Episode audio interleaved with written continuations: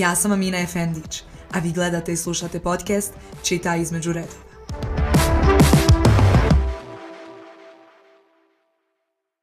Dobrodošli u novu epizodu podcasta Čita između redova. Danas ćemo pričati o temama kao što su prijateljstvo, muško-ženski odnosi i nasilje, a o svemu tome ćemo pričati sa osobom za koju iskreno vjerujem da ste već svi čuli. U pitanju je Huda. Zdravo! Prije svega hvala ti puno što si došla danas da budeš Je, moj naravno, gost. da podržim, moram podržati ovo, ovo je savršena ideja. Baš mi je drago, čim si počela, bilo mi je ono, hmm, hoću li pitati, rekao, hajde strpit ću se, bit će prilike, sjećemo, družit ćemo se, tako da svaka je čast, želim svu sreću u ovome. Hvala. I super je što si to prva ovdje pokrenula i vjerujem da ćeš uspjeti. Samo nastavi snimati i to ti je zagarantovano uspije Boga. Stvarno mi je drago da si došla jer ti ja se vas da ganjamo nekako ono, na eventima, nešto Jest, malo vidimo jest, nikako da sjednemo, da se družimo, Da, da, da, jeste. prilike, predobro. Ja vjerujem da te već većina onako prati, zna šta radiš, ali prije nego što krenemo da radimo na samim temama, to jest da ih obrađujemo, proći ćemo kroz neka generalna Mhm, pitanja. može. Koliko dugo se baviš Instagramom i na koji način si se uopšte počela baviti time? Pa ja sam ti prije Instagram više pri, privatno koristila. Mhm. I onda sam nekako kroz vrijeme počela, kako, kako sam se počela šminkati, vidimo ono reakcije ljudi, predobra ti je šminka i sve. Tad sam ja nekad i počela šminka, to je bilo prije neke četiri godine, hajmo reći. Jes, četiri godine. I od šminkanja je to krenula, pa ono outfit i neke slike. Ja vidim sad ljudi mene počeli pratit. I ozbiljno sam se bacila baš u Instagram da ono redovno postavljam, Mhm. da radim reklame i sve. To je bilo možda prije dvije godine. Da sam baš ono ozbiljno počela. Prije toga je bilo kao pokušavam nešto. Da, da. Znaš, nisam ja shvatala to ozbiljno, više je bilo sa strane ko neki hobi, a onda je prešlo na ono ozbiljan posao da mogu da živim od toga i sve i to je to. A jel si se šminkanjem bavila kao i da si šminkala druge ljude ili si Jesam. samo promovisala? Jesam, jesam.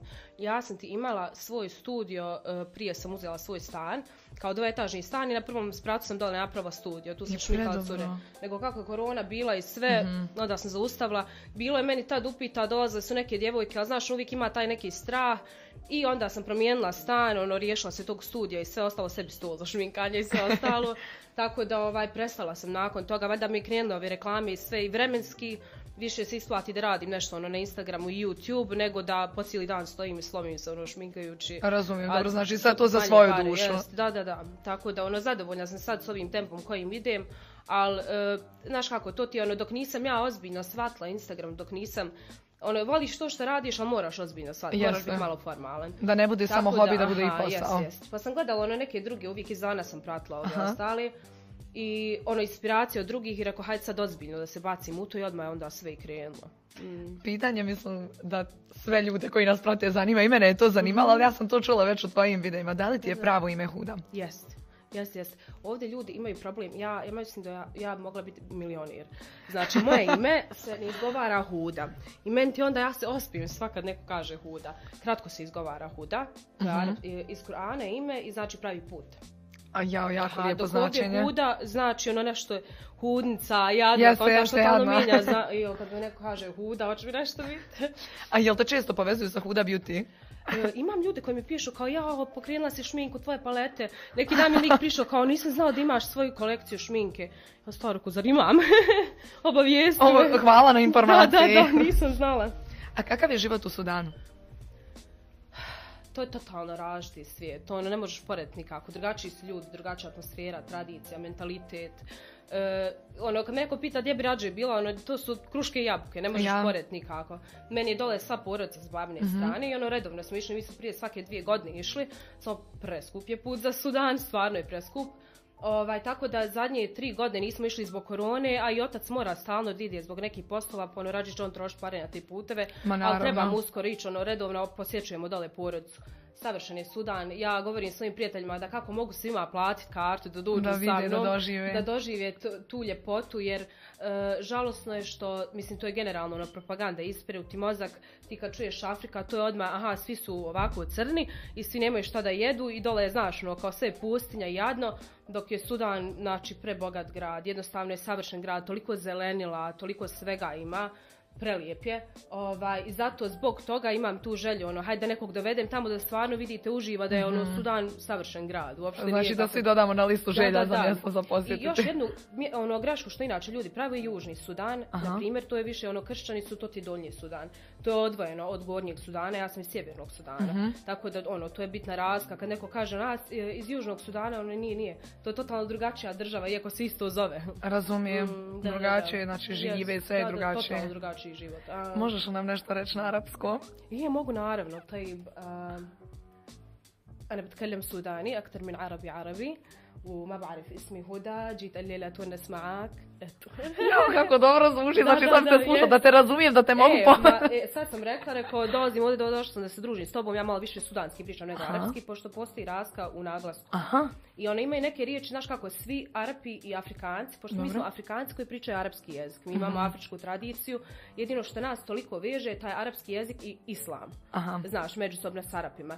Mi se međusobno svi savršeno razumijemo jer znamo koje su različite riječi koje se koriste. Dok neko sa strane, ako je samo naučio arapski, striktno arapski, teže će mu malo biti, treba će mu vremena ono, da razumije dobro, da. naglasak i neke riječi. Ali to je sve isto na kraju. A šta te najviše privlači kod, mus- kod muškaraca i u psihičkom i u fizičkom smislu? Uh, u fizičkom smislu the blacker the berry, the sweeter the juice. Tako da ovaj, volim tamnije skroz likove. A čekaj, u psihičkom smislu, znaš kako, uh, jako mi je bitno da je, znaš kako, kad puno radiš na sebi, kad sebe izgradiš, onda ti bude ono, očekujem i takvu osobu s druge strane. Naravno. E, bitno mi da nije iskompleksiran, jer ti puno vidiš u tim odnosima muško-ženskim ili u tim vezama da je problem šta, ljubomora, to je ta iskompleksiranost sa muške strane, gdje ti misliš ono, a ljubomora je zdrava, zdrava je u određenoj dozi, kad je Naravno. ljubav u pitanju. I onda mi je jako bitno da si ti mentalno se izgradio, da si ti riješio se svojih traumi i to. Jer e, nije moja obaveza da njem budem ni mama, ni psiholog, Naravno. niti šta drugo. Tako da me najviše zapravo to kako se nosi. To da ima to samopouzdanje. Volim kad ima neko unikatno ponašanje, to je da je sebe prihvatio i ono fura svoj fazon i to je to, zna ko je on i to. Pa naravno, odmah nećete imati ni probleme Naravno, u da, odnosu da, da. i što si rekla i da, ljubomora i ono, sve. Yes, to su stvari koje očekujem sa suprotne strane, zato što ih od mene nećeš dobiti. Da. Ono, to ljubomora, ta toksičnost i sve. Tako da i jako mi je bitno da poznaje engleski jezik, znači to mi je ono, moraš znati engleski jezik jer ja na engleskom razmišljam. Znači meni je engleski jezik ogroman dio mog života kad sam bila mala, dobro ne mora arapski znati, ali ono, razmišljam, fraze koje koristim, e, moraš da budeš Da bi se mentalitet, moraš da, ono, makar da je negdje bio, da je proputovao svijet, jer to, to ti odmah open mind, ono, keeps an open mind. Tako da to su neke stvari, hajmo reći, najbitnije. I prije nego što prijeđemo na samu temu, možeš li opisati sebe u tri riječi? Znam da je to svima malo teže. Pa jes, ono, Spakovat sve u tri riječi. Aha, tri riječi, ja. E, mislim da sam spontana osoba, ono adventurous. Mhm. Šta još? Luda, to sigurno. to, je- to je moja riječ. E, I šta još? Hmm. U tri riječi. E, veoma independent. E, Zaboravim nekad kod mene ti ono blokada u Opušteno. jezicima. Bosanskom se kaže Nezavisna. Nezavisna osoba, to je to. to su Dobro. tri riječi, aha. Sad ćemo da počnemo sa samom temom i prvo ćemo Da. se dotaknuti nekako tih muško-ženskih odnosa. Mhm. Šta ti misliš, kolike su zapravo razlike u razmišljanju muškaraca i žena? Pa, ogromne su razlike, sve zavisno. Mislim da igra ulogu gdje živiš, e, s kim se družiš. Jako je bitno e, u kakvoj si kući odrasto, sve se iz kuće nosi. Tako da e, to su neke stvari koje utiču na razmišljanje i žene i muškarca. Naravno do tebe koliko ti hoćeš da se nadogradiš i edukuješ kao muško ili žena. Razlika u tome da ne znam, ja imam tako dobre probrane ljude oko sebe i toliko dobre prijatelje. E, gledam ljude koji su izgrađeni, koji su nasjed poradili, da nemaju e, ono ispran mozak, standardi, seksizam i tako dalje. Ono, svi smo jednaki, svi se volimo, svi imamo ista prava i to je to. Muško-ženska prijateljstva, e, ja, na primjer, neki dan sam stavljala bez veze story, išla sam sa drugom, nije neki dan, prošlo ima vremena, išla sam sa drugom, negdje neki adventure time i kao stavila story svojim najboljim drugom, to jest moj prijatelj taj sir, ja sam odrasla s njim, njegov otac je isto sudanac koji je moj i došli zajedno da studiraju, poznali naše dvije mame koje su prijateljice. Ja. I znam, znam ga od druge godine, u Sudanu smo jo- još bili zajedno. I odmah vidim tamo ono, question sam stavila i onda skontala ono koliko je danas omladini ispran mozak, a kriči iz čega? krećeš toga, ja samo sam ovdje to vidjela kod nas na Balkanu, da, da si bilo gdje vani, neko te može prijaviti, malena ti kad vidiš malo dijete, kad vidiš momka, odmah je ono, jesi našla curu? Je, jao, jes. Znači, to je mislim Ja, glavno ja pitanje. osvam na to. To je ispiranje mozga da je to tako bitna stvar i da je to tebi jedini uspjeh ili cilj, cilj u životu. Ja sa svojim bratom, ono, 18 godina, neki stariji čovjek, ono, koji se druži, što mi dođe, pa ima li cure, znaš, se ženi, ono, e, otad krene ispiranje mozga i naravno da onda imaš krivu sliku o tome da li imaš muškog prijatelja ili ne. Svi mi možemo da imamo neke želje i strasti kad se družiš sa muškarcem ili sa ženom možete nekad preplat neke emocije. Do tebe koliko se ti kontrolišeš. Ali e, mislim da iz tako tih nekih sitnica što ljudi generacijski imaju probleme što Mhm. spominju i isp- ispiraju mozak djeci, da se iz toga rađa to da, hajmo reći, ta barikada između muškaraca i žena, znaš. Odmah muškarci sebi stave u glavu ono, aha, sad je ona žensko, čeka da je pogledam prvo, znaš Ja, ja. to. Ona ne ide na ono, "Ej, hajmo se družiti, hajmo biti prijatelji, Ajmo biti znaš. prijatelji. Tako da ono, sve se to vuče zapravo od malene. I Što kažemo, kako si kući odrasto, kako razmišljanje imaš. Kod mene, što sam stavila story s njim, vidim tamo cure se pišu ja, pa šta niste zajedno? Odmah sva ta pitanja, kako niste zajedno? Pa bil bila s njim? Super izgledate zajedno. Ono, stalo ono, zar to mora da bude cilj, znači, prijatelja, mog i mene? Zar, ono, zar ne može da bude samo, uh, Samo druženje? Jest. I to je ta razlika koju ja primijetim ovdje, zašto sam u drugačijoj kući odrasla, drugačiji mentalitet. Kod mene otac uvijek govorio, prijatelji su prijatelji. Nema nikakve veze. Kod nas uopšte se udaja i to. Meni otac nikad nije spominjao tu temu. Da, da, da. Ti kad budeš htjela da otvoriš sa mnom tu temu, ti ćeš je otvoriti sa mnom. Naravno, kad Momci bude vrijeme. Kaže, mene to ne zanima. Ti se fokusiraj na karijeru, na to da se družiš, da uživaš mlada si i to je to. I onda kad imaš tako, ono, iz te kuće izlazim, onda je meni ono, ja sam inače u muškom društvu. Ja ti imam 20 prijatelja, imam dvije prijateljice, ono, ženske s kojima se družim. I sa strane ljudi gledaju ono, aj ne, sa svim tim muškima, znaš, ono, ili kad vidiš sa prijateljem, odmah si kačena, aha, garant je s njim ili nešto. To sam sad pošla da kažem, ja mislim s kim god da te vidi tako na. Instagramu i to odmah te automatski Odmah, spajaju. je, Evo ja sad u Njemačkoj kad sam bila bez stavljena story, drug se ne voli snimat, ono samo malo virilo, odmah si, "Ah, jeste to za Kriješ ga. znaš, kriješ ga, ono, no, not everything is about that, Da, ono, da, da. stvarno nije o tome. I to je ta razlika koju primijetim ovdje, što je ispran mozak i sve na to ciljano. Dok kod mene drugačije sam nekako Drugačije razmišljanje. Jeste, drugačije razmišljanje, tako da ono, poštujem prijateljstvo. Nije bitno jesi žensko ili muško. Mislim, na kraju, mogu ja sa ženom da budem ko mi brani, znaš, hajmo, zašto nemam ta pitanja kad sam sa ženom, Da. možeš mi i ta pitanja postaviti. Mogla sam ja postaviti sa prijateljicom, kažeš, hej, jeste vas dvije nešto. Da, da, da. samo pokazuje koliko je ispravan mozak, kad ti na muško tako reaguješ, a na žensko ne reaguješ. Mislim, hvala Bogu, nije kod mene tako. A jel misliš da su generalno možda bolje veze ako prerastu to iz prijateljstva jer su se osobe u nekom pogledu već upoznale? Pa mislim da, iako ja se baš vodim politikom, ono, ko ti je suđen, koja je tvoja osoba, nije bitno kog se poznajete, ono, to je tvoja osoba i ti ćeš kad tad... Ja se slažem. E, da, ono, ne znam, ne moram te znati, možemo se u roku dvije minute odmah Da zavoliti, to je to, to aha. ako se energije ono, vjerujem in love and first sight, kontaž, zato što, ono, vjerujem u to, ako je tebi nešto suđeno, tebi će to, ono, stići. Znala ti osobu Kad tu ili ne, družili se ili ne, to je tako. To i iskreno slažem se s tobom, mislim da sve što nam je suženo generalno, ne samo oko odnosa i svega, kad tad će doći na svoje. Naravno, 100%, to sigurno, da. A koliko je važan prvi utisak koji ostavimo? prebitno. Bilo šta, posao, e, bilo gdje se pojavljaš, ja stalno pri- pričam na kanalu, to da e, poraditi na samopoznanju, čak ono fake it until you make it. Jest. Jer e, ne mogu ljudi skontati je li tvoje samopoznanje fake ili nije u početku. Ako ti uđeš u prostoriju, jeste. Ti kad to glumiš u početku, ti na kraju s vremenom to postaneš, to izgradiš. Ono, ti ćeš između četiri zida kući raditi na tome, da izgradiš svoje samopouzdanje, ali je bitno, glumi ga u početku. Bitno je da uđeš u prostoriju, ja stalno pričam, uđi dignute glavi, uđi kod da je to, taj cijeli lokal tu gdje ulaziš kod da je tvoje. E, bitan je prvi utisak za posao, sastanke, druženja, sve jako je bitno. Ono, ja se uvijek potrudim da što pozitivniji utisak ostavim. Ne ono odbojno, sad ja znaš, sam poznanje, pa ono, Da, da, da. drzak se prema ljubavi, ne, nego e, da ti bude cilj to da kad ti dođeš u tu prostoriju ili kad upoznaš nekog na prvu, da budeš fokusiran na šta? Da ti uživaš, da je tebi ugodno, kao prva stvar, zato što sam upoznanje, znači moraš sebe voliti, moraš sebe poštovati u toj situaciji, i onda tek da se pitaš ono, ok, kakav utisak želim da ostavim na toj osobi. Ono će biti pozitivno, formalno, ti sam biraš, ti sam to sve kontrolišeš. Tako da je prebitan prvi utisak. Ja se slažem iskreno da je jako bitan prvi utisak, posebno iz razloga što nekako ako se postaviš da kažemo tako mlak u tom, pri tom upoznavanju i svemu tome da. nekako ljudi Mislim da s tobom mogu olako, kako Jest, god hoće. Jest, jest, jest. Zapravo ti si taj koji daješ snagu ljudima uh, kako će on dirigirati s tobom, kako Jeste. će se ponašati s tobom. Naravno, nis- nismo svi isti, isto odgojeni, isto da se ponašamo.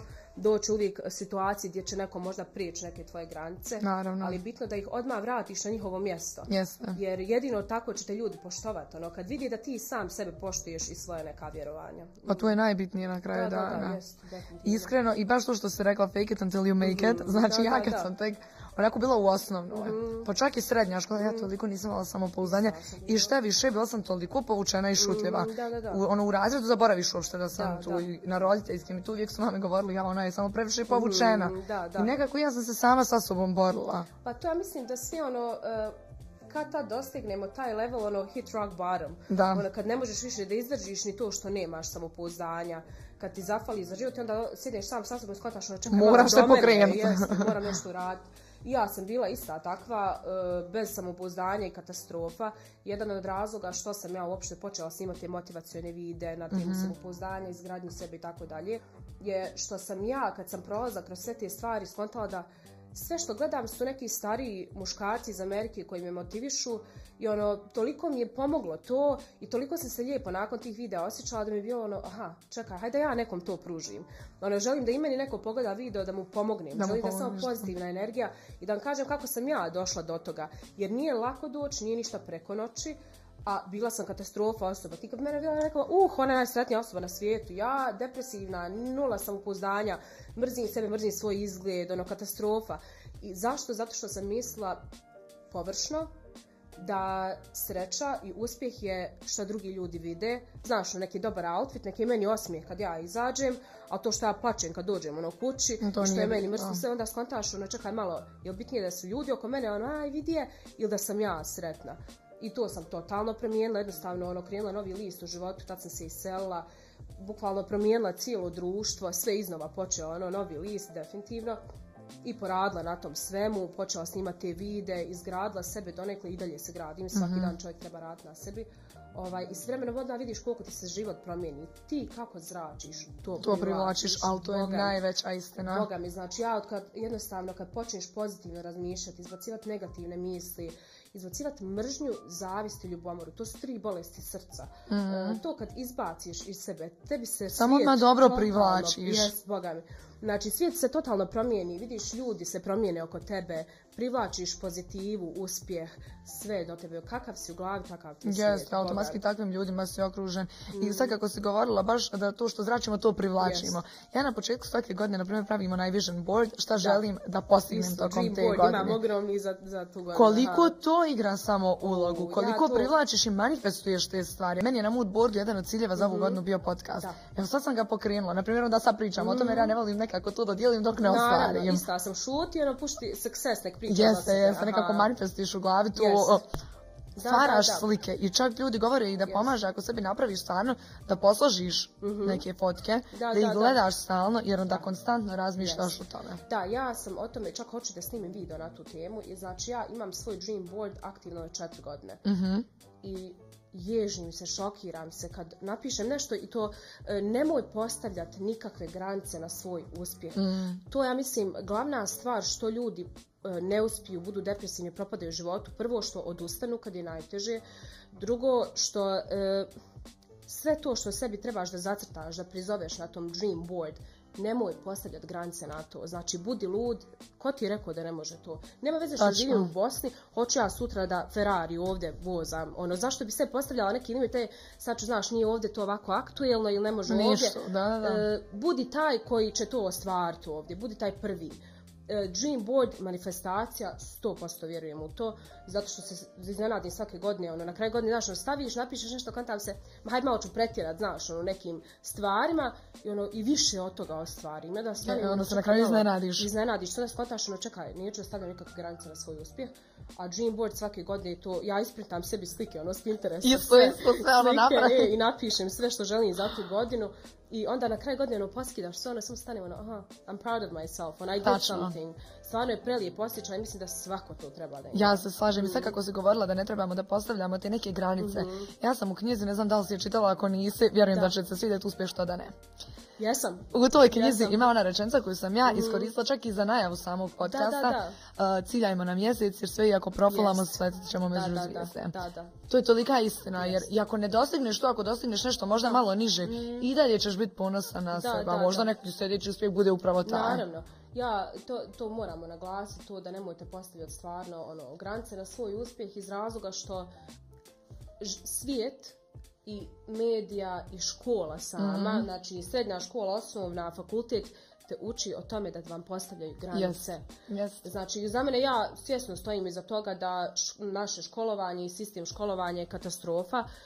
Jeste prikladan za pravljenje robota ljudi koji ne žele da ostvare nešto svoje. Ljudi već žele da- osnovno i očekuju da ti znaš šta ćeš ti biti. Jeste. Kako ne A znaš? što je kod nas situacija gro- grozna, ono što nema posla i sve, kad ti skontaš tebe škola ubije u pojam. Jest. Jer se fokusira na šta nisi uradio, da te kudi šta si loše uradio, nema puno pohvala i to samo tebi indirektno daje ono neki pritisak i neke barikade sebi stavljaš. I onda slušaš starije ljude iz školovanja i mimo toga Mhm. e, koji ti konstantno govore e, "Hej, moraš to da bi to, to su granice. Ne znaš Jeste, ti šta jeste. ću ja ako to. Znaš ti šta je moja budućnost, šta je moja mogućnost. Ja kad bi slušala sve ljude dostatku, ja ne bi nigdje bila. Istina. Nigdje, znači onda bi išla po granicama, ja bi, evo moja, moja učiteljica iz osnovne meni govorila katastrofa, ja ću propast zato što sam ja iz bosanskog, ja sam volila se uvijek pisati sve, ali ja na engleskom volim stvarno pisati. Mene je uvijek gramatika, ja sam sve imala neke dobre ocjene i zadnju godinu sam imala to sve kao ono, hajde samo da završim bilo šta. Kako je meni žena ta, to predavanje održala, ti ćeš propast, ti bosanski će tebi do, do života trebati, nisi svjesna kao koliko ćeš sebe zakinuti, to je u osnovnoj priča Da, da. djetetu, kontaš. I onda smo ostala ono, vola blink, blink, jeste, ja kontam ono stvarno, sad ću ja, neću moći upisati srednju, neću moći na fakultet, zašto ja nisam to kao bosanski imala peticu, znaš, i to je kraj, i odmah dumaš, mislim, to je stres, Ja, no, to je dumanje, i stavljaš sebi granicu, ja skontam ono, šta, na Balkanu ću taj bosanski pričat. Ja odu dalje, halo, svijet je pun, glavni jezik je engleski. Ono, pritisla me kod da je engleski u pitanje, a ne jeste. bosanski. E, ali generalno koliko profesori, nastavnici to znaju, mislim malo smo skrenuli s time, ali nekad smo, mislim da je ovo stvarno bitno, zato što koliko znaju stvoriti stres, koliko ljudi završi školu da ima Da. strah od javnog Da, da, govora. da. Jeste. Jao, pa to da. ljudi se tresu kad Jeste, moraju izaći, zato što ljudi napravi stres kad moraš odgovarati ili nešto. I sad se Da. spomenula engleski. Ja sam u srednjoj školi. Imala profesoricu koja iz nepoznatog razloga mene nije voljela. Znam, Jednostavno, ja nisam legla, nije me ja, voljela. Isto, isto. Ona je meni uporno četiri, četiri, Aha. do te mjere da je me dovela u drugo odjeljenje da odgovaram na kraju za pet. Aha. Po tu odmah- Znam, to ti je jednostavno kad ti zapika profesor. Jeste, i tu ti je kraj. Isto, tako, učitelj- na kraju sam je, ču učiteljica, profesorica, ovaj, na kraju sam ja jednom bila sada sam oca svog zvala, ono, do te granice, ono, nemoj pravi budalom, još sam ja, ja sam bošnjačko završila Cambridge Mhm. sistem, ono, se internacionalno, i išla sam dodatno, čak ono A level engleski i koliko god je na mene htjela zakinut, ne možeš me zakinuti što se tiče uh, Cambridge onog sistema Da, i ispita jer ona nema tu riječ. Ja isto ga A. I onda ono vamo stanem, gledam u nju, kontam se, ako su mi oni dali? A iz eseja, a ti meni mama govoriš da što nije u redu, mislim da je to do tebe. Tako da, mislim, što sam ja spomenula, škola i sve, zato što je velik dio naših Mhm. života, svi su prošli kroz to, koliko god to davno bilo i sad se nekom dešava. Ostane ti nekad, e, ostane ti to ispiranje. I onda još imaš i roditelje koji tako ispiraju djeci mozak da ono ili ćeš uspjeh kako smo mi zatrtali ti ćeš sine propast Da. i sad ta negativna i onda e, glavno je šta da skontaš da ti si taj koji kontrolišeš kako ćeš reagovati na sve informacije koliko želiš da uvažiš neke informacije ili ne E, i da skontaš da je sva snaga u tvojim rukama i za samopouzdanje i za public speaking i Za sve sve. Za sve. Znači, toliko mi je žao što ljudi ne shvataju koliko imaju moć u svojim rukama. Ne treba ti ništa, ne trebaju ti pare, ne trebaju ti ljudi, ne treba ti Samo ništa. kreni. Samo kreni, razmišljaj, čitaj, edukuj se, knjige motivacione, knjige za uh, financije, to treba ljudi da čitaju. jer Mm. Nigdje te u školi ne... U školi nigdje nemaš takve knjige. Nema, nema. Gdje Nego sve uči? ono dosadno, hoće ti se, znači ljudi stvore averziju prema čitanju Jeste, knjiga jeste, da, nakon da, da. škole. Mhm. I Ja nikad nisam volila da čitam. Nikad. Ja lektire, ja sam uvijek imala dobre ocjene lektire i to sve. Jedino ako nešto baš moram, ja nazor sjedim, pušem, iznervirana, što ja moram čitati. Dok je moja sestra totalna suprotnost, ona po 50 knjiga mjesečno čita, voli baš čitati. Nikad nisam volila čitati. I onda sam skontala, nije, nego mi je jednostavno toliko toksično to prikazano i pritisnuto da ono, e sad ti to moraš. I odmah mi je, naravno izgubila sam želju za to. Čim moraš. Nakon godina i godina ja našla sebi teme, knjige koje se meni sviđaju. Upravo.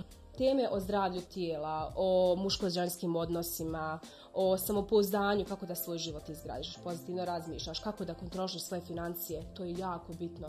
To toliko ljudima fali, to je Jeste. u školi te nigdje ne uči kako da na, zaradiš. jedna od najbitnijih stvari je upravo tu jer se ljudi nakon škole ne Jeste. znaju snaći. Da, da, Imaju da. samo to ono teorijsko znanje, Jest. nula prakse. Da, da, da, bukvalno. I onda skontaš da tebe škola ne, ne, ne, uopće ne, pripremi. sprema, ni fakultet ne sprema, sprema te da ti radiš od 9 do 5 neki posao u svojoj struci ili nešto. Kako god, ko, ne, ništa ne kažem negativno. Mislim, Da, to je super stvar, ko želi. Ali, Ali ne učite, ambicije. ne učite, nemaš te ambicije, ne učite kako s novcem, šta pametno uraditi. Da nije, da je glupo u 20. godinama da bacaš pare na Gucci, gluposti i sve, već da naučiš da štediš, da investiraš u nekretnine, da u 35. se osamostališ, budeš Mhm. ono 35, a ne moram vratiti više jer imam tri stana sam kupila. Nema veze što nisam odmah auto kupila, nema veze Da, što da, da. nisam najskuplju torbu imala. Ja ću se sad strpit, ali zato Da kasnije sutra kad bolje. budu radili s 25. 35. radili svoje poslove još uvijek, ja ću sjedim jer ja imam svoj steady income. Ja sam da. se strpila. Strpi se sad, štedi na sebi sad. Jer ćeš u 25. još više treba te pare i u 30. Tačno, još tačno, više tačno. će biti ono da još. A dobro, jeste, ja se s tobom slažem stvarno nekako, mislim, to je naš sistem školovanja i to ide na tom principu. Da. Ja ću sad malo vratiti opet E, na temu hajde. da nas prešao tam nazad na muško-ženske odnose, jer sam Aha. htjela pitat šta ti misliš? Da li djevojke generalno tako razmišljaju da konstantno govore kako žele nekog dobrog, normalnog, finog momka, Mhm. a u suštini nađu nekog što se kod nas kaže bad boy? Aha, e, mislim da je to baš, sad što ćemo je stvar. E, žena voli sigurnost, ali ono što je drži živom je ta neka vatra, ta neka igra. Svi mi imamo to u sebi da volimo šta kao neki challenge, pogotovo muškarci, ali žene isto vole taj neki challenge, znaš, jer više će te privući onaj, ne onaj što plazi po tebi stalno, znaš, ne evo ti ljubav, i, i meni bi smijeto, onaj, neka te, ovaj, ali onaj što, znaš, na male off, pa ima ga, pa nema ga, što ja ne znam zašto, šta je s nama, s našim glavama, čim te manje želi, odmah ti njega više hoćeš, uvijek je tako, ali to je ta, zapravo, psihologija toga da, e, da ti je da si sigurna, ali kad skontaš bad boy, ti može pružiti ludost i neku, mislim, može biti te sreće da sve imaš u jednom, Da, da, da, ali se bad boy je više to neko ludilo, ta neka strast za životom i sve, e, dok sigurnost će ti taj fini dati. I onda ti to ono, sad ti vagaješ, zašto si više, da li si Mhm. ti više da budeš ta nježna žena koja će biti pripažena i sve, ili ćeš neko ludilo ono da ima ta neka vatra, ono, aj on mene gleda ili sve to, mislim sreća za one koji su našli sve u jednoj osobi, to je rijetkost, a u tome je razlika zapravo, zašto na, idemo toliko za te bad boys, mislim da što si starija, da više gledaš Upravo sam te to htjela pitati, jel smatraš da se to godinama mijenja, jer ja smatram da se to stvarno godinama nekako da, da, mijenja, da, da. na kraju svi teže da su nekako smiri, da je tu ta neka sigurnost upravo što e, si rekla. To je to, znaš, ono, ti ćeš sad u ovim godinama logično gledat daj da je što zgodniji, da je što bolji, što luđi, znaš, da je i sa mojim rajom dobar i da ludujemo i da smo spremni da sve eksperimentišemo, zato što si mlad i pun života i da ti je da što više novih stvari Da probaš proživiš. plus sa tom osobom.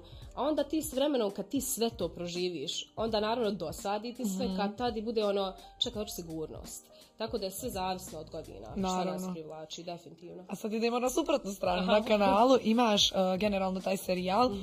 Zašto muškarci vole kučke? Mhm. Da, Zašto da. smatraš da je to tako? E, zato što jeste. Stvarno jeste. I sam naslov knjige, e, to ti je ono Never judge a book by its cover. Kad ljudi vjeruju zašto muškarci vole kučke, onda se ono ču kučke i to sve. Kučke u toj priči cijeloj, mislim, i ovo je isto bitno da kažem, kad kažeš bitch na engleskom, ono, puno je blaže kod njih psovke se doživljavaju nego kod nas. Kod Da, nas da, psovke kažeš stvarno povrijedite, Jeste, jeste. ako nije tebi upućeno. Ovaj, I onda, mislim, prevedeno je direktno, ali što ona spominje, te kučke su zapravo djevojke koje imaju dostojanstvo, koje znaju šta želi, šta ne žele, drže do sebe, imaju svoje ja, ne daju da im se man- manipuliše njima. E, sama knjiga počinje šta? Svi smo mi nekad bili fina cura. Svi smo mi nekad bila ta cura koja je toliko zaljubljena i ubjeđena da je to ljubav njenog života, pa je previše sebe dala i nije ni znala šta radi, već znaš tebi je, ne znam, 16 godina i ti kontaš, ma ja ću što više za podru, ja ću njemu za Valentinova kupiti, ne znam, kutijicu, srce, znaš, sa čokoladicama, isto kod on to primijeti uopšte. Znači, ta fina cura kad se ti pretirano daš i postaneš supruga mladom momku, kao ti mlada cura, a ne zaslužujete ni kao djevojku. Jer si ludo zaljubljena u kreiranu verziju muškarca kojeg ti voliš. I te, Da, da. ti sebe toliko, pogotovo žene, isperemo mislima, on tebi kupi buket ruža, ti šta je sebi buket ruža, godinu dana replayat u svojoj glavi, preuveličat, a ne primijeti da se on ko debil ponaša još godinu Da, da. dana, razumiješ? Znači, glavni problem kod žena, to nice girl, je što se zaljubimo u e, kreiranu maštu, jeste, u tog muškarca nekog i sve što ti sanjaš, ti po cijeli dan imaš daydreaming, neke scene, pa ovako, onako, i ti se u to toliko zaljubiš da ti ne skontaš da, čekaj, to je totalno druga osoba u realnosti. I onda izgubiš dodir sa realnošću i ne možeš više da kontrolišeš, jer su tebi toliko jake emocije, mlada si, luda si, ne znaš, mislim, svi moramo proći tu školu. Da. Jer tek nakon prvog, ono, heartbreak, gdje misliš da će ti se raspast život i ne možeš nastaviti dalje, vjerujte mi, tek tad život počinje. Znači, ja sam bila pet godina u vezi i pred zaruke, trebala sam se zaručiti, sve je već rekla svojima i onda sam raskinula, znači desilo se kako se desilo i to mi je najbolja stvar tad. Znam se da je najbolja Od tada stvar se svijet ikad. rušio. Je, ja sam spakovala uh, svoj stan predala, meni u kutijama sve stoji, ja treba da idem za Dubaj, pošto mu tamo ja i on živ. Čekam njega da dođe, sad upoznam moje i pičim tamo, ja sve spakovala. I mu noć nakon toga raskinem, ja ono sidim sa onim kutijama, pozdravila se na faksu sa cijelom rajem, jer ja idem tamo da živim. Znaš koji je to šok meni bio? I ono sad stala, ono čekaj, sad moram naći ovdje posao, ono čekaj, imam sad ovaj stan, moram sve vratiti, ono iz kutija vadit. Ono stres, kontam se, my life is done, depresija, katastrofa i tad jednostavno sad sam skontala, to mi je najbolja stvar koja mi se ikad desila. Dobro, ali trebalo opet vremena u tom momentu, mogu misliti. Iz toga sam ja počela da se gradim, da snimam vide, da gradim svoj život. Koliko god vam se nešto loše desilo, a sad pričam o muško-ženskim odnosima, jo, e, koliko god se loše desilo, koliko god je teška situacija, e, ne bi se desilo da je ne možeš prebroditi. Mhm. I ono to, ja na primjer imaju te neke fraze uvijek koje koristim koje su iz vjere. Jer ono, ako ti je Bog rekao neću te iskušati onim što ne možeš da podneseš, Da. što se brineš? Možda jest rock bottom, ali to je tačno ono što ti možeš da Što podneseš možeš da podneseš, i što da. ćeš da prevaziđeš kad tad. Tako da to nice girl, ona njih spominje i prelazi na šta? Na te kučke. Htjela sam te pitat, koliko kompleks muškarcima može predstavljati ukoliko žena više zarađuje? Opet se vraćaš na kompleks. Mislim da kad si siguran sam u sebe, nije bitno uh, prisustvo, postojanje i čime se bavi druga osoba. Sve se na kraju vraća na rad na sebi. Jer naravno će ima ti problema, bude kompleks, mislim to je aktuelni problem kod svakog kompleksa, ona više zarađuje ili ona više zarađuje, ona se više kreće. E, ako imaš muškarca pored sebe koji ima takve Stabilan komplekse, daj mu malo prostora, recimo malo dode kući, nekog uli jabuku, sjedne, razmisli malo o svom životu i o sebi, nek se izgradi i nastavi dalje. Zato što ti ne treba muškarac koji će umanjiti tvoje postojanje ili koji će te kočiti, već neki koji, i ako si 10.000 puta bolja od njega i više zarađuješ troduplo više od njega, on treba i dalje te gura da ti još više zarađuješ. Naravno. Znači, treba Da da, te tvoj da budeš bolja verzija Jeste, sebe. Da, da, da. Znači, jako je bitno da gledaš e, kako se osjećaš sa muškarcem i šta budi u tebi. To je glavna stvar za bilo koga, mislim, kad nađete dragu osobu, nije bitno muško ili žensko, da vidim kako se osjećam s tobom. Jesam ja s tobom u vezi, samo smo ono, romantikavo ono, i zaboravim na svoj uspjeh i na sve. E, hoću muškarca koji me podsjeti na moju karijeru, podsjeti na to da radim na sebi, koji će mi reći, je, hajmo ne znam, zdravi da jedemo, hajmo ovo, da se gradimo zajedno. Naravno. To je zdrav odnos i samo ćeš takav odnos imati s osobom koja nije iskompleksirana. I morate dati sebi vremena da komplekse riješite. I muškarci i žene. To ako ne riješiš, veza će ti propast. Sve će propast na kraju sve dana. u životu, samo zašto nisi između četiri zida sjeo, isplakao se, uvažio sve emocije, skonto šta ti smeta, ne smeta, pronašao sebe i onda nastaviš dalje. Zato, zato imaju ti komple- kompleksi svi i ti problemi. Mislim, sve to naravno opet ide vremenom nekako. Da. Gradiš se, ali bitno je da radiš na Bitno je tome da radiš konstantno. Konstantno, da. Dotakla bi se s tobom jedne teme za koju sam te već ranije pitala da li ti je okej da se dotaknemo Naravno, toga, s obzirom da sam ja tu pogledala i na tvom YouTube Da. kanalu i da si pričala da si u jednom momentu kada si imala, meni se čini 18, 18, godina, aha. Bila seksualno zlostavljanja. Da. Kako je došlo do toga? Kako Pa si se snašla u toj situaciji? Ja znam da ima cijeli video, Cijeli ja ću im video, čak ostaviti link videa ukoliko ih zanima cijela priča da, ono, mogu pogledati. priča, e, ja kao ja, mislim, pričala sam o tome da više je bio taj, znaš kako, žene uvijek pričaju u smislu kad čuješ to, ono, ne znam, da je, ne znam, tuče muž ili e, seksualno zlostavljanje, bilo kakva vrsta zlostavljanja, jo, ja bi, ja bi ovo, ja bi ono. Dok se ne nađeš u toj situaciji, ne znaš ti šta Ne znaš šta bi. E, meni je reakcija prvo bila što se ja ukočila, ono, šok, jer pazi slučajnosti. E, ja završavam ispit iz engleskog, ono dodatno A-level što sam uzela, na temu eseja seksualno zlostavljanje žene u Bosni i Hercegovini. I radila istraživanje za to i svakakvih priča se načula i dobila A iz ispita, volim pričati o tim temama, volim istraživati o tome. i završim s tom temom, da, nakon toga se spremim idem kod mame, pošto je na tad žila u Crnoj Gori. I meni se to dešava, znaš, ono, sjedim i ono kao, da malo, je, je li esej ili je realnost, šta se dešava? E, pričala sam o tome zato što sam u drugačijoj kući odrasla Mhm. i kod nas je to normalna stvar da se priča o tome, zato što kod nas je zapravo pro- problem ovdje ljudi ono sramota nemoj pričati ovo ono. Što ti ispravan mozak da je to na tebi neka prljavština. Nije. To je na drugoj Nije do osobi. tebe, to je do druge osobe i treba pričati o tome. Zašto? Zato što 90% žena kata prođe kroz to. Znači, konstantno e, ćete se nalaziti, moramo pričati o tome jer ako si žensko, bit ćeš kad tad, ne do Bog ja vola da ni jedna nije od nas, da neće nikad susret s tim.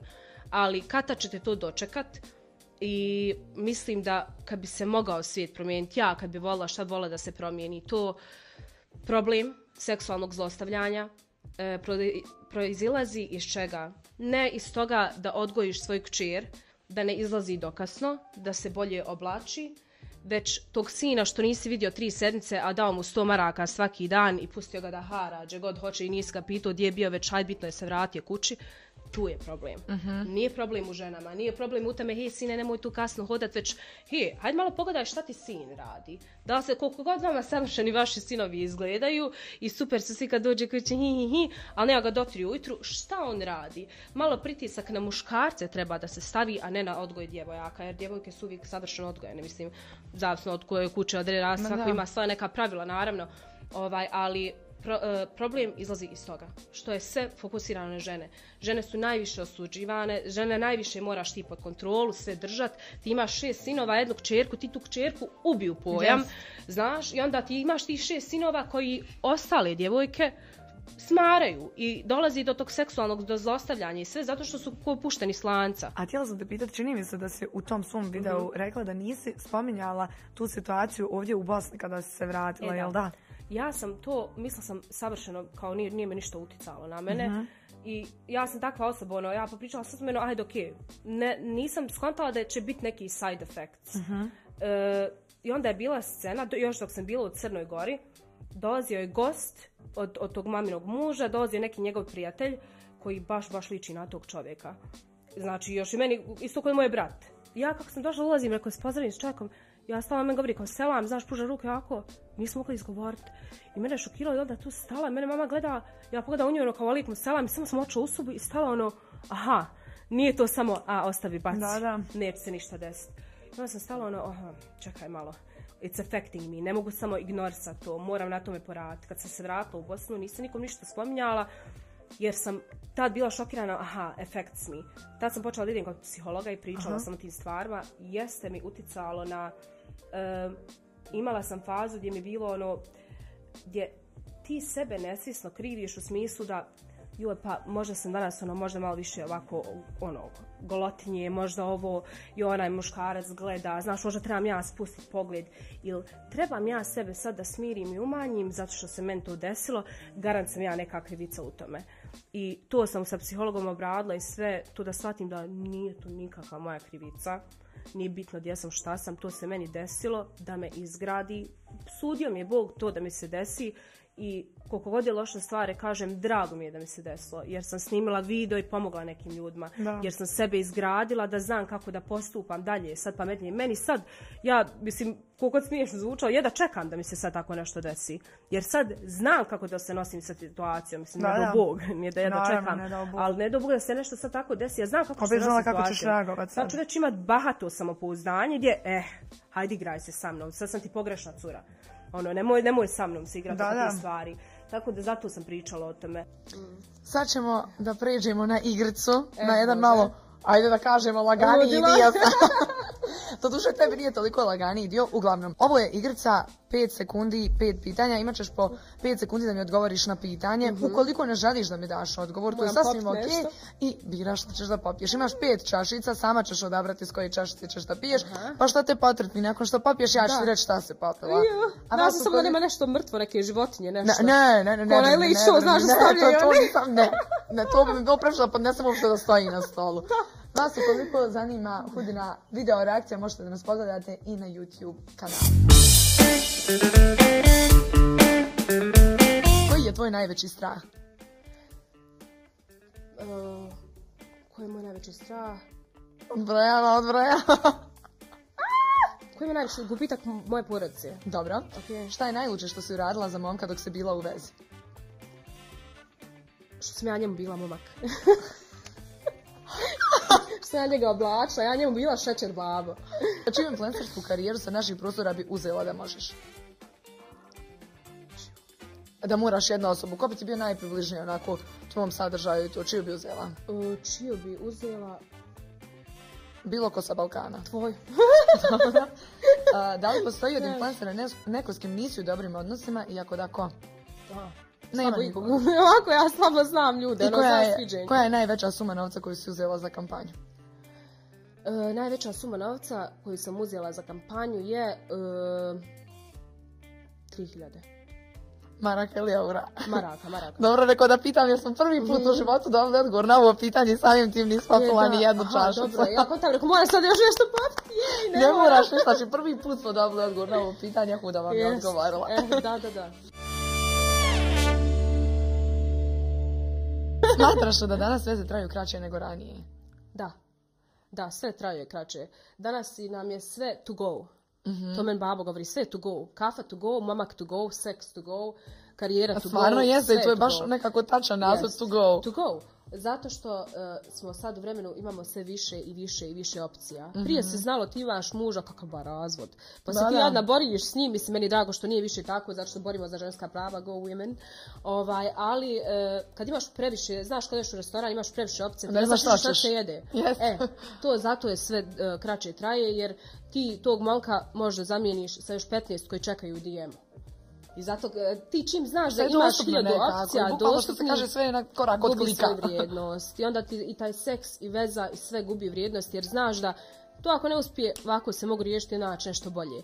I to je zato sve kraće traje. Previše opcija imamo, Mhm. teško nam je izabrati onda znaš, ono, malo vamo, malo vamo. I zato sve kratko traje. A da li smatraš da se suprotnosti privlače ili da je ipak bolje da su osobe nekako slične, da imaju neka slična interesovanja? Mislim da se opet tu vraćamo na koliko si ti izgrađen i na kompleks i na te stvari.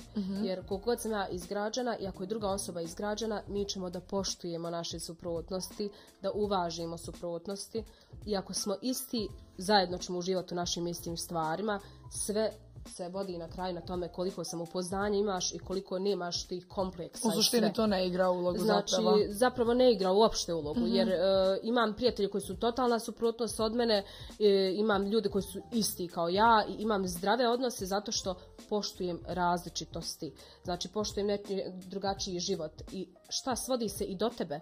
Jer e, imaš ljude koji ono, kao poštujem suprotnosti i kao drugačiji smo, ali ti smetaju neke njegove stvari i ti hoćeš da izmijeniš osobu. To nemojte se davati za pravo ko ste vi da vi nekog mijenjate. Ili ga prihvati takav kakva jeste, ili nemoj nikako. nekog drugog. I zapravo se se op- opet svodi na to. Možeš ti biti totalno drugačiji i da nam bude predobro, možemo biti isti da nam bude predobro, sve se svodi na to koliko sebe volimo i koliko poštujemo sebe. Mnogo se spekuliše o tome da li je okej da žena napravi prvi korak. E, jeste. Me, ja imam to razmišljanje, iako e, imam to razmišljanje da ono podržavam to djevojka ako te zanima, ja to kažem, što imaš gubiti vrijeme? Jel to on zanima, idi ti se njemu javi. Ali, tu se onda kose neke stvari, u smislu da, što smo pričali, dostojanstvena žena, e, ta kučka koju on traga, taj challenge. Odmah da znate, možete ići sa tim, super bi to bilo da se ti njemu javiš i to bi super nastavilo, da je on izgrađen baš i da je super. Zašto? Zato što ako je iskompleksiran, će gledati ona se meni javila i odmah mu spada zainteresovanost. To tako ide, znaš. Mhm. Ma da, zavisi suštini više- kome si se javio. kome si se javio. To definitivno zavisi i to prati. Ako je neka super izgrađena osoba, muškarac, hoće to gledat kao flattery, kao ono predobro. Javila mi se i mogu ja sad da se potrudim oko nje, dok će drugi neki biti, aha, ona mi se javila, nije će ja doganjati ono što meni ne ne odgovara. Već Da, da, da. Ali dobro, to jest istina, stvarno. Ljudi uvijek ganjaju to što ne Jest. mogu da dobiju. To, pa to je taj challenge to- u toj knjizi Da. što ona spominje. Volimo challenge, voliš kad ti za nečim traga, što znaš da nije tvoje. Predobro je i ono, aj želim da imam u svom Da ti je da postigneš. Jest, jest. A kad je stalo tu, kad je available, dosadi brzo. Mm. Već smo rekli koliko je zapravo bitno kakvim smo ljudima okruženi, jer to utječe i na nas. I kako ljudi kažu da smo za- u suštini mi proizvod pet osoba s kojim se najviše družimo. Da. Šta bi ti rekla šta si onda ti naspram tih pet ljudi s kojima si najviše okružena? Šta bi izvukla? Koje osobine? Pričam golden rule, zlatno pravilo je OQP, only quality people. Jako je bitno s kim sjediš. Ako sjediš s pet debila, ti si šesti debil. Koliko god ti se žalio na to društvo, ti sjediš s njima. Jako je bitno da se okružite ljudima koji su ambiciozni, koji podržavaju vaše snove. E, ja sam okružena prijateljima koji nemaju e, ni malo mržnje, ni ljubomorje, ni površnosti, ni predrasuda prema ljudima. E, imam ljude koji e, bilo kakvu informaciju ili nešto novo da vide, on će to da uvaže kod da je njihovo na najpozitivniji način. Mi nikog i ništa ne osuđujemo. Ja u svom društvu ne sjedimo nikad i ne pričamo o drugim ljudima. Mi samo pričamo o zanimljivim temama, svojim budućnostima, bilo kakvu želju da kažem ili neke snove. Ja njima, da, ja njima govorim ja ću biti najbogatija žena, mi govori hoćeš. Znači, takve prijatelje trebaš da imaš. Prijatelji koji Koji daju vjetar u leđa i konstantno te guraju. Koji ja, ja volim to što mene nabe pritecanje kaže nekad joj ne znam kako ću to. A meni govori šta kako ćeš, uradit ćeš još bolje od toga, aj ne On meni odmah onaj šuti bogat. E, prijatelje jeste, prijatelji koji te maksimalno guraju svaku trenutku i jako je bitno. Mislim da mi je to najdraža stvar, to što imam open-minded prijatelje koji nemaju mržnje, ljubomore, zavisti, predrasuda, e, jer kod nas su predrasude najveća bolest. Ti vidiš curu, ti odmah njoj zaljubiš Odmah imaš priču. mišljenje. Odmah je zaljepljena cijela priča na tu curu, ona je dobro sređena, ili je, znači, ili je babina neka mizimica, ili je sponzorša, ili ovo, ili ono. I žalosno je jer ljudi koji to pričaju su ljudi koji su needukovani i koji dopuštaju da medija i tračevi ispiraju njihov mozak i da ga umanje i da imaju samo takve poglede na život. Htjela sam da te još pitam, čujem tvoje mišljenje. Ja smatram da nekako sve više i više danas ima tih toksičnih odnosa. Da. I nekad ljudi budu svjesni da su u toksičnom odnosu, ali da biraju da tu ostanu. Zašto? E, to ti je, e, to je više psihološka stvar u smislu da to ti je kao ono e, osoba koja me zlostavlja, zlostavljač, što se žrtva stalno vraća zlostavljač. To stalno čuješ, ono žena tuče muž godinama i onda se ona opet vrati, Opet vrati. njemu. To ima nešto što morate kod psihologa riješiti. E, Ako plaćate sebi teretanu da nabijete guzove, platite sebi psihologa da nabijete mozak i dobre emocije. Da znate da radite na svojim emocijama, da znate da radite svojim ljudima, kako da pričate, kako da sebe izgradite. Psiholog nije džabe posvijetio svoj život jel da priča o tome, tako da ćete uvijek dobro posavjetovati. Ne moraš ići godinama.